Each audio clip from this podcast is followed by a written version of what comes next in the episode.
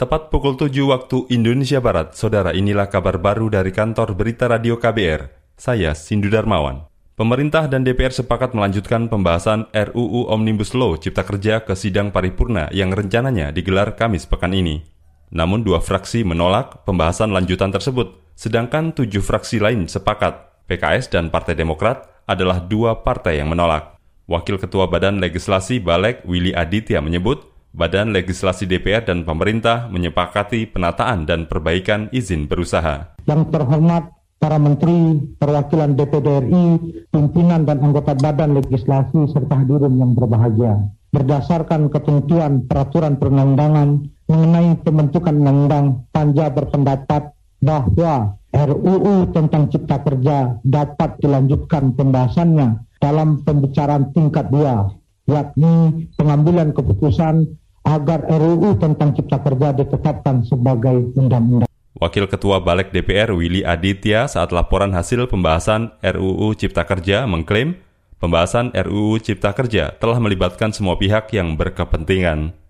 Balek DPR juga mengklaim pembahasan RUU ini paling transparan karena dalam setiap rapat disiarkan secara langsung.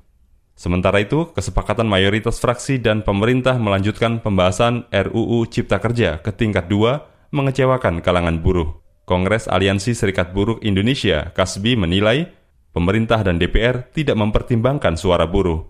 Ketua Umum Kasbi, Nining Elitos mengajak masyarakat turun ke jalan untuk menolak pengesahan RUU Omnibus Law Cipta Kerja. Tapi faktanya tadi malam luar biasa, luar biasa ambisinya wakil-wakil rakyat bersama pemerintah dalam masa yang sulit justru kemudian untuk segera melakukan pengesahan melalui paripurna.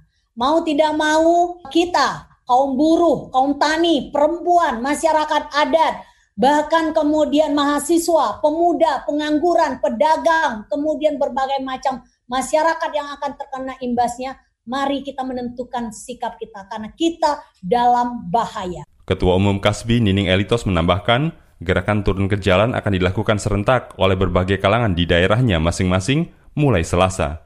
Puncak aksi akan digelar pada Kamis ini di gedung DPR Senayan, Jakarta.